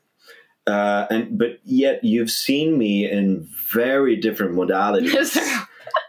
It's true. You've seen me at the Borderlands. Yeah. You've seen me at work. Yeah. and you've seen me uh, in small um, small situations, one to one situations, or big situations outside, which is not a burn, but like yeah. So uh, and, and and that's funny because I, I sometimes you know it, it's funny the shapeshifter thing. I, Yeah. I am a bit of a shapeshifter, but you know yet I'm not. Yeah, yeah, yeah. I'm so the same. Yeah. I'm so the same. Yeah. because I really adapt to the situation. And I think there's, I, I actually, I've been thinking about that a lot because there's an inauthentic way of doing it and there's the authentic way of doing it. Like, if you are a sort of social chameleon, Mhm. uh, you can do it in the sense that you're full of shit and you're just, uh, you know, Doing it for status. doing it for status, doing it to please people Sure. in you know in in the moment you know um acting in a way that goes you know against your beliefs or this and that but you can also do it in the sense that okay i'm in this modality right now this is the culture these are the things you talk about. These are the taboos. These are the you know these are the do's and don'ts basically. These are the things that really can impress people or stuff like that. Uh, or or these are the things that i want to bring into this situation. These are the things that i want to take from this situation. And to do that and, and if you're in so radically different situations like you and i are um, it, it, it is super important to be able to, to, to do that, but to still have a touch of yourself in it. Uh, you know, a, a glimpse in the eye, uh, a, a, a, a, um, a glimmer, Yeah, say, right? Um, uh, or, or you know, like um, you know, you sort of you can go into a role, but you you do it from yourself, but you go into it Sure. instead of just you know having the disconnect between you and that Yeah, yeah, yeah. and and and but sometimes i mean if you're in a radically playful space you can actually do that disconnect but do it authentically like i am conscious that i want to go into this role like right now like if, if you're an actor you Yeah. do that Yeah, yeah. right? Or if you're at a place like this, you can also go into the acting as well, just to make that role. I mean, it, it may, if you're a super, you know, hardy person, or you know, super, uh, you know, angelic sort of uh, super kind person and all that. Maybe it's fun to play with being an asshole or a devil Sure. or or if you are you know this and that like you know sort of doing these conscious plays Sure. but if if you're just like you have to go back to afterwards and integrate because if you're doing that all the time it becomes entropic as well Sure. and if you're in the borderland space or if you're in, in, in like in the burn space or if you're doing psychedelics all the time or whatever all of these different things that sort of bends it's like you know in in, in um, you have it in, in, um, when you're training neural networks you have sort of exploration and exploitation Yes. yes. if you're constantly in an explorative state, um, it becomes entropic. It, it just dissipates. Yeah. Yeah. Your your sanity and your sense of yourself dissipates. Mhm. But if you have a sound balance between Mm. this Apollonian and Dionysian, whatever you want to call it, if, if you have a balance between that, it can really, really help you. Yeah, yeah, yeah, yeah, yeah. Yeah, two things come up. For, I mean, the second part I can really relate to because of my lifestyle. I've been in a very like explorative mode, Yeah. living as a nomad and going to different cities in Europe. And I mean, I was also doing this in the United States, like checking out different subcultures and communities and seeing, okay, what's alive Yeah, and where can I fit in? Yeah. And where can I make the highest impact? Mm. And what are the communities where it's I, I take to it, you know, and Mm. they take to me. And um, I've I've been doing this for like the last two years. Pretty much, it's been a very humbling lifestyle. Um, it's it is kind of like living in a constant flow state, you Mhm. know, and where there is no um, like I, I literally like I have plans this weekend. I have plans next week. I don't know where I'm staying after that. Yeah. I have like no idea. But my experiences in Stockholm um, and the community that I found here, I'm finally reached a point where I'm like, I'm ready to exploit. yeah, I'm ready to shift modes. I'm identifying I'm going to hit diminishing returns if Yeah. I keep doing this. yeah, And now it's like, okay, holy shit, there's so much potential for diving deep. Yeah. So I'm going to take that invitation and stop Mm. exploiting. for a while. You know, stop exploring and exploit for some time, Mm. and you know, and see where that where that takes me in the game. Mm. So that's the first thing. Um, but then the other part is um, about recognition. hmm I think one of the things is ex- like what what why do we want to protect children from psychedelics Yeah. or from ecstatic sexual experiences? hmm Well, part of it is that you know, especially if you're on like a dissociative or you're in if if you're if you're a person if you're an adult person who's going into a state of altered consciousness, you may not be able to recognize things in your environment and you may not be recognizable to hmm things in your environment Yeah, to other subjects Yeah. in your environment. And that gap can be extremely disturbing. hmm It can be very disturbing to see somebody who you recognize be something that you've never seen Mm. before. And in particular, if they've taken on a character and this character has no space for recognition for recognizing what it, what the previous character that it was has known. yeah. I, I had a super traumatic experience like that as a child. Really? Yeah, you have no reference to him, but for the Swedish listener, uh, listeners, uh, Freddie Wadling, uh, who was like a punk legend, uh, he um, they they did a like a, a musical slash not, not a musical in the sense of the fucking corny cringy shit, but uh, around uh, uh, Frankenstein, Okay, wow. Um, and uh, and he played the monster. Oh. Mm. uh, and I remember that like it is one of my like first core memories where he comes out. My dad was doing music and he he was playing and he comes out as the uh, as the monster. Oh my God. and I meet him and it's like, "Hey, Franz," and I'm like, know? Oh my God. so yeah, I mean, I'm brought up in that milieu. yeah. you know. no wonder you are the way you are. exactly. Um, but but yeah, I mean, taking children in, but it, that is also an interesting things uh, thing. There were children at children at the children at the Borderland. There, there were There was. and families there's stuff like that, that as well. Uh, and and I think it's actually good. I think it's super good because it was a super safe environment. Yeah, People were extremely respectful. Yeah. You know, like it's also like most people there are in their, you know, around their 30s. Yeah. You know, like pe- people know how to behave. It's a mature environment. Yeah, and it's also a way for people to actually be able to do these things and Also also, have- I mean, the be- kids fucking loved it. I, I had a great experience. I was sitting in a wizard's tent uh, who gave out quests, Nice. and there were these kids there, you know, returning from their quests, getting trinkets. They were shining, you Oh know. yeah. Oh yeah. Absolutely. So happy. Yeah. Yeah. Totally. And, Totally. and and I think that you know being able to play with your parents in that way, I've done that. Mhm. I, I'm privileged enough to actually have, have, have been in not not that the Borderland, but like uh, in in growing up, playful environments.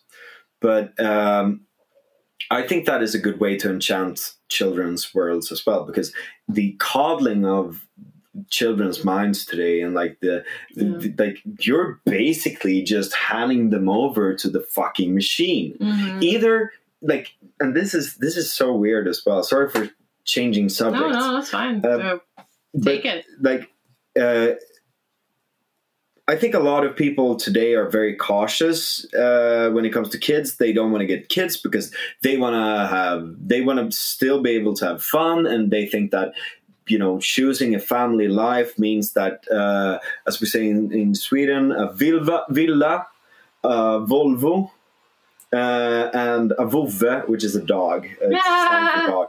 Villa, Volvo, vovve.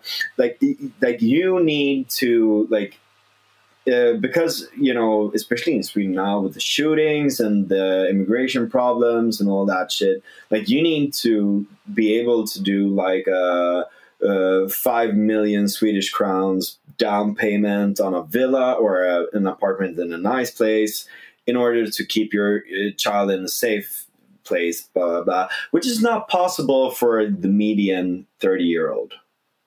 So, and you also want to be able to have fun, and you're it, that's not combinable either. You spend your twenties just working your ass off to get to the point where you can get kids in that safe environment, or you um, you get kids when you're you know in your late 30s or even you know just skip having kids altogether because you don't want to give up everything and work your ass off just to get your kids into these nice environments but then afterwards like you're still working so fucking hard for them to be in these environments that you don't have time to play with them Yeah. really Yeah. Yeah. Yeah. in, in the yeah. deeper sense i mean sometimes some people do of course if you're lucky and you have a good job and uh, so you're just throwing them to the machine Mhm. you're setting ipads in their hands and the machine eats them Mhm. and that is fucking scary Mhm. that is you know that that really and and and, and i think Yeah, it's so so weird.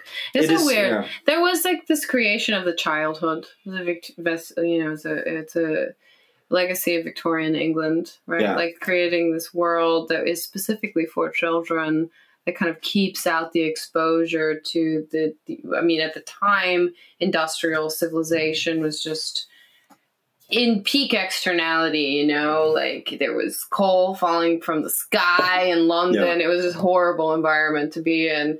And children were like were, were going into the factories quite young. And so the you know the victorians created this this ideal idea of the childhood you know. And we've kind of picked up that legacy. And it's interesting because something like the borderland that's an adult environment. It is. That is an adult environment. And i think you know there's a lot of legal structure that's actually common, especially like in the united states. I don't know so much about sweden but it, it tries to reinforce this idea that children need to be kept in their own safe environment that can't actually be brought into the adult world. There has to be this like weird you know safe reality that's produced inside of the the the adult world where ch- only children can go, and if they go outside of that world, then maybe someone can call child protective services on you. Yeah. You know, like if you let your child walk to the bus stop on their own, you know, The US are fucking crazy we're about really these crazy things. about these things. Did have you read The Coddling of the American Mind? I've read, yeah, I've read parts of it. yeah, yeah, yeah. yeah yeah and i mean what i think is happening today is we're really reaching the end of that practicality Mm. we cannot continue to live with children living in their own bubble worlds Yeah. children need to be able to assimilate into the dark adult world Yeah. from very young ages otherwise you're creating a situation where kids are brought into the the illusion of a chi- of a world suited for children, but really, it's a place where they get imprinted with the values of the state. You know, Yeah. they get sent to school Or the machine. or the yeah. machine, whatever it is.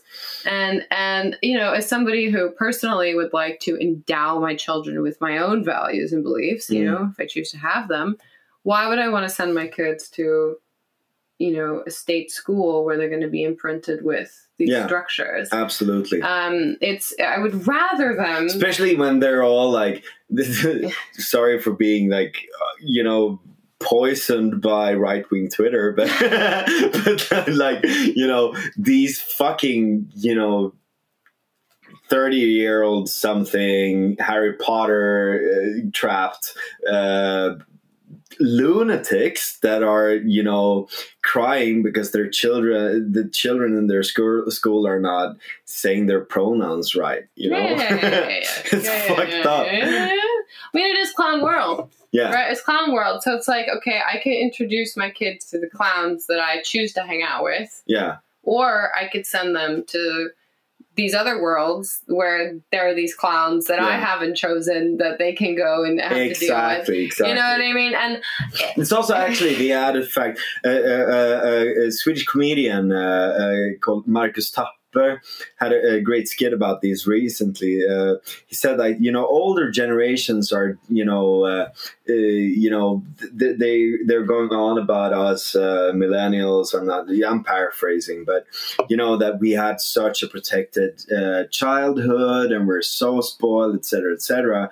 But you know uh, and I'm saying this through through him. I was seven when Kevin showed me Two Girls One Cup. yeah, You yeah, know? yeah, yeah, yeah, yeah, yeah, yeah, yeah, But there's this Oh fucking God. great leap between the adult world and the absolute absurdity and vulgarity of the internet. dude, we could have a whole fucking three hours on this. yeah, I thought about this so, so, so, so much, Yeah. especially as it relates to relationships, Yeah, sexuality, because pornography, obviously, yeah, is a form of exposure um, that introduces you to like the vulgarity of the sexual mind. And there are some people who are being introduced to this content when they're seven years old yeah, what happens when you're 20 and you're starting to date and you're starting to form relationships and you already have all of these impressions yeah, of adult human sexuality that's oriented around this very strange very strange corner of the human Yeah. sexual experience Yeah. You know how do you link these data points between like actually being in presence with another human being who has Yeah. feelings and emotions and and aspirations and goals and romantic dreams yeah, and two girls one cup yeah. how do you fucking do that Or like weird fucking hentai or all whatever. sorts of yeah. crazy shit like what framework what model do these poor souls have Yeah, for understanding all of these impressions and memories Yeah.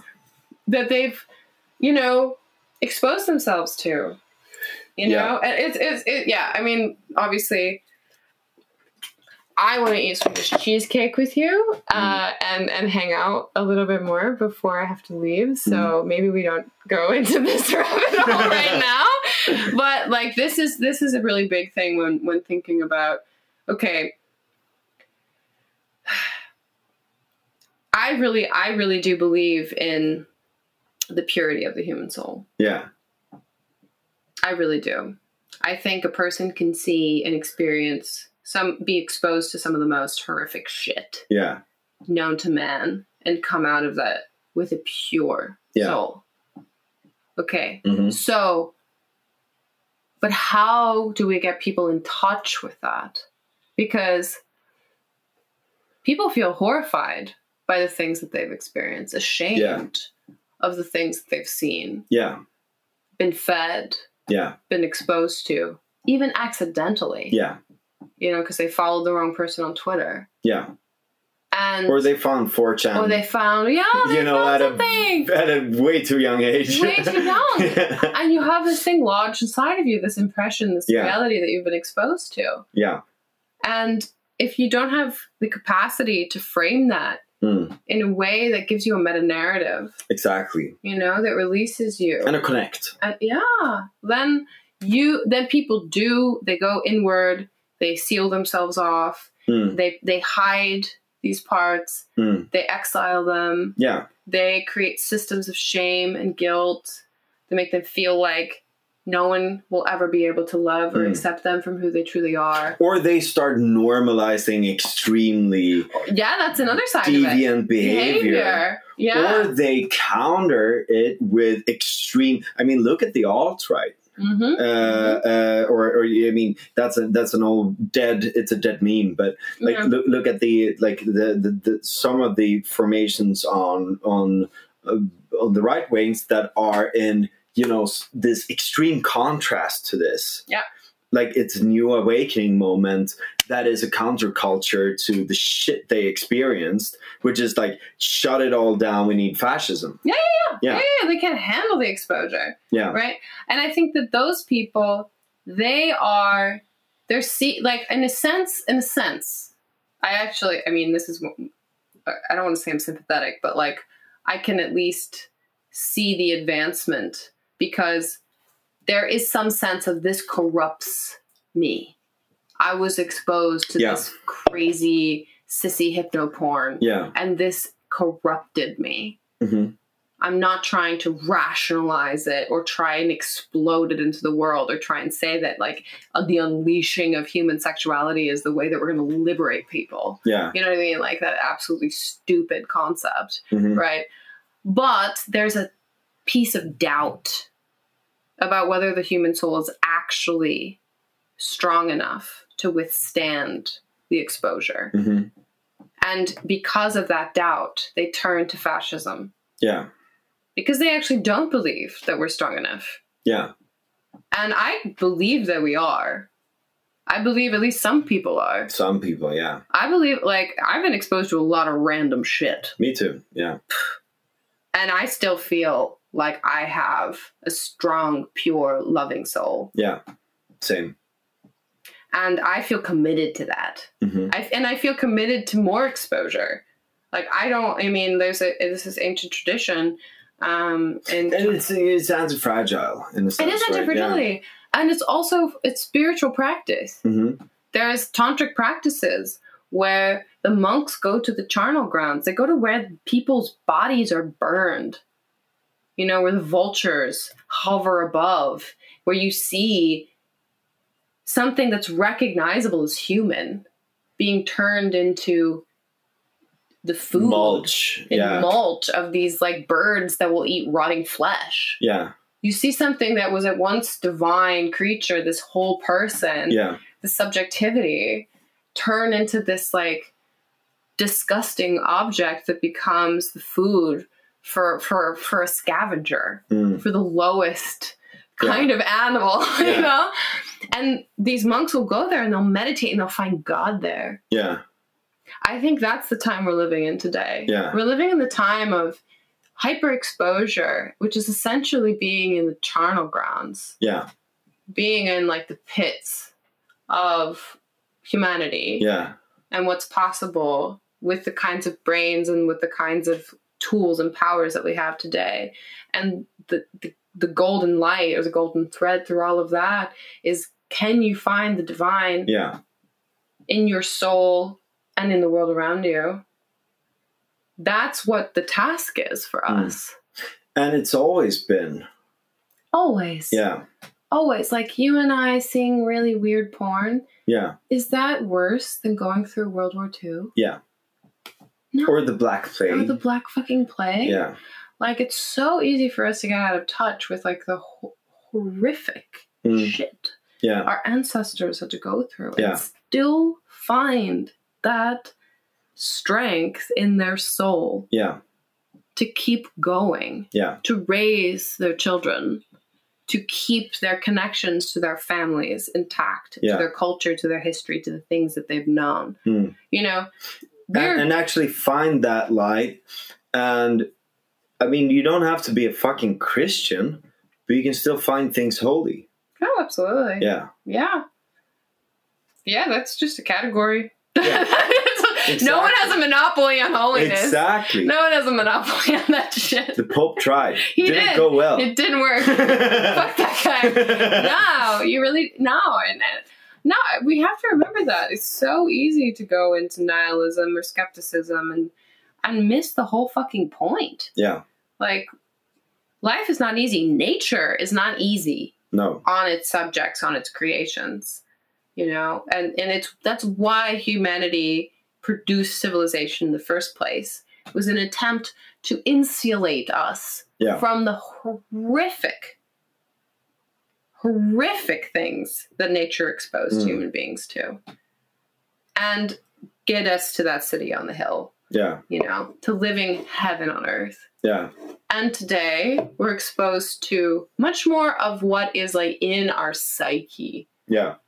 which is horrifying. Rather than the Rather than the natural world. Yeah.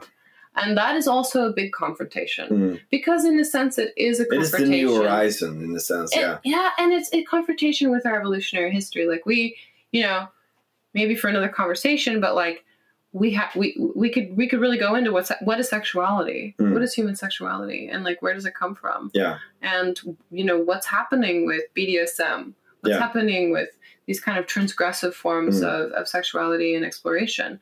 What does that say about our evolutionary history? Yeah. that people are attracted to these things? What about all of the different types of porn and types of stimulation that people Mm. are discovering they're attracted to? Exactly. Yeah. Like, what the fuck? Where does that come from? Yeah. What are the models that we have to actually explain yeah. these forms of association? And it's it's it's difficult, you know, especially in the unknowing. Yeah. I actually think it's, It's easy to say it's just deviancy. what does that even tell you? Yeah. Like I don't know. Exactly, Like, yeah. don't, that doesn't give me an a causal Yeah, explanation yeah, of what yeah. the fuck's going on. Yeah. It's comforting it's, just it's like oh, it's dismiss it. Yeah. deviancy. Like okay, that literally like what what does that predict? I don't Mm. know. Nothing. That doesn't tell me shit. It Yeah. does. It also doesn't help anyone Yeah. who's in the situation of like at seven years old, my older brother showed me extreme porn, and then I just got stuck on it, Mm. and I've been exposed to this for the last two decades of my life. Now I realize I don't want to be trapped in this stimulation anymore, Yeah. but I have memories Mm. going all the way back to when I was a child. Yeah. All of these impressions, all of these moments. hmm How do I frame that Yeah. So that I can release myself from this enslavement? hmm If you don't have a model for that, Yeah. you're stuck in exactly. the liminal. Nietzsche has such a great fucking quote on this. And I'm paraphrasing because I I'm not good at remembering things exactly, but uh, it's basically if you are a degenerate person, you know, in different ways. It's actually uh, it's in in that book that I showed you. Mhm. Uh, there's a um, uh, an essay about it, and uh, so being a degenerate person and all that, blah, blah, blah, it's and you want to sort of sidestep from that. You want to take, you know, this is the past. Fuck that shit. I'm a good person now. Yes, I'm a yes, holy yes, yes, person yes, now. yes, I'm a pure person. Yeah, blah, blah, blah, blah. Christianity And- gives you a nice little ticket for that too. yeah, and Yeah. not pure in the sense that you mean, but in this crazy sort of way. Yeah. And if you go the other way and you just suppress things, Yep, yep, yep, yep. you know, ultimately, that is even more degenerate Yeah. because you're not even looking that thing in the eye and No. actually meaning it and actually You working through the beast. yourself. Exactly. Yeah. You're just, you know, making extreme rules for yourself, putting yourself in a fucking cage Yeah. so that you don't escape. Yeah. And that's even more degenerate. yep yep yep and also a fucking risky bet. Yeah. Because you're just hoping that something doesn't unlock that cage. Yeah. Exactly. and you don't know. Exactly. You have no idea. Yeah. No, I, I- totally. Totally. I mean, I, and just to tie this back to Borderland, actually, now that we've kind of div- d- dove into like deviant sexuality, one of the things that I really like about Burning Man culture is its irreverence. Mm. And particularly its irreverence for sexuality. Yeah. It that there was one experience I had that was like a sincere experience of sexuality, and it was in a camp that was super far away from everything, isolated, Mhm. you know, and it created this very specific container. Yeah. Um, and almost everything else I saw that represented something sexual was inevitably within this frame of irreverence. Yeah. And to me, that's super appropriate for the era that we're living in. Yeah. And is also a really good exercise mm. because, to, in terms, I mean, I've thought, you know, a lot about sexuality. It's one of my my subjects of interest, and sexuality poses so many asymmetrical risks for Mhm. people. This is like my current theory as to why we're so obsessed with it. It's not because sexuality offers us some sort of great answer for how to live our lives well. It's more because if you fuck it up, Mm. it can ruin your life. Yeah. One time, Mhm. one bad sexual experience can destroy your reputation Yeah. forever.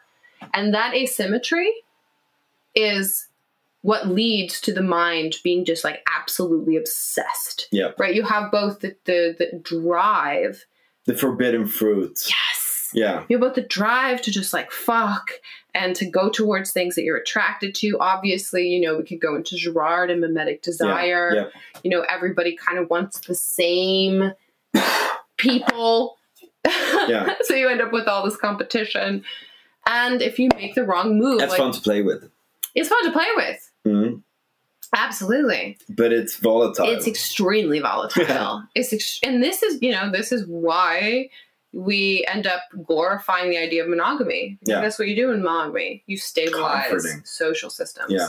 You no longer have volatile elements, Mm. right? And and when you have slutty people around, you have extremely volatile social environments. yeah, yeah, yeah. because all of a sudden, you know, a social order that has some relative amount of stability, Yeah. you get one slut in there, Entropy. and everyone's exposed to all of these new impressions. yeah. And that's really not conducive to higher order complexity emerging from the underlying structure of Yeah. social bonds. It, it, it makes you have to question loyalty structures. Yeah. Um, and I'm like, I do, th- I, you know, one of my questions, like, just like one of my questions is like, is Borderland offering us something of value beyond pure hedonism? Mm. And for me, there's also a question about polyamory. Mm. Is polyamory genuinely post monogamy, or is it actually a reversion to poly- polygyny? Yeah. This is another one of my questions. And I'm still debating it. I do think there is a possibility that there's some forms of polyamory that are genuinely trying to like take the volatility of sluttiness and make that conscious Mm. so that you can actually create stable Yeah. volatile like communities Yeah. and build things on top of them but the social uh, and ego infrastructure that all of the individuals in that system need to have in order to function in that environment is a much higher bar Yeah. than a polygynous structure and but i also think that there's a bifurcation actually like monogamy forces people to have different types of mature structures Mm. than polyamory does Mm. but i i actually you know at the end of the day i'm a much more polyamorous person but i have extreme respects respect for people who are doing monogamy Yeah. like especially people who are doing it consciously Mm. they're not pretending like they're not you know some people are actually genuinely not attracted to anybody outside of their relationships blah blah blah i think as you move Good along them. know. as you move along in in monogamy i do think that this begins to happen Yeah. genuinely but like many years down the line. Yeah. But in the beginning, you're dealing with a lot Of noise. of noise. And if you can't deal with that consciously, if like we're in a relationship Yeah. and you're like attracted to a bunch of people and I'm attracted to a bunch of people and a bunch of people are attracted to me and a bunch of people are attracted to you and we're just pretending like that's not happening, Yeah. that's bad news. Yeah. I think that, and but most people in monogamous relationships, that's what they think they need to do, because they can't actually discuss the fact that there's all of these other distractions in their environment, Mm. and that they have attractions outside of their primary relationship. And I think that this is uh, ultimately weakens the foundation Mm. and creates these kind of thought spirals. Mm. Where you're like, oh, well, what if I had Yeah, yeah, yeah, gone yeah, with this yeah, yeah, person? yeah, or what if I had had this experience? exactly. Or like, God, it would have been so nice if I had, Yeah. you know, done this thing. Rather than cultivating very intentional relationships Mm. um, where people are aware, like, yeah, there's competition. There's other people out there. Mm. I'm not the only one. I'm not the only hot, smart, interesting person who could create a life with you. Yeah. There are other possibilities. Yeah, yeah, yeah. You know, so why would we choose one another over Mm. all of these other possibilities? Yeah. And when we just ignore this field to create this like weird bubble illusion Mhm. and then build a relationship on top of the illusion, yeah. it's very fragile. And I think that's why, like, ultimately, a lot of monogamous relationships these days end they end. They don't last. Mm. You know, and that is very sad to me as a natalist because monogamy is like one the best one of the best structures for creating families. Yeah. And we need we need We need smart, Strong, smart, strong. interesting Yeah. people in stable relationships to breed. new- Listen up, everyone. Stop smoking weed. Stop playing computer games. Stop masturbating. Stop masturbating. Start getting ready to. Get fucking kids. That's right, babies. Get it. Get on it. Get on it. Goodbye. Thank you so much, Raven. We'll leave with those words. What a cliffhanger. Next on how to do this successfully.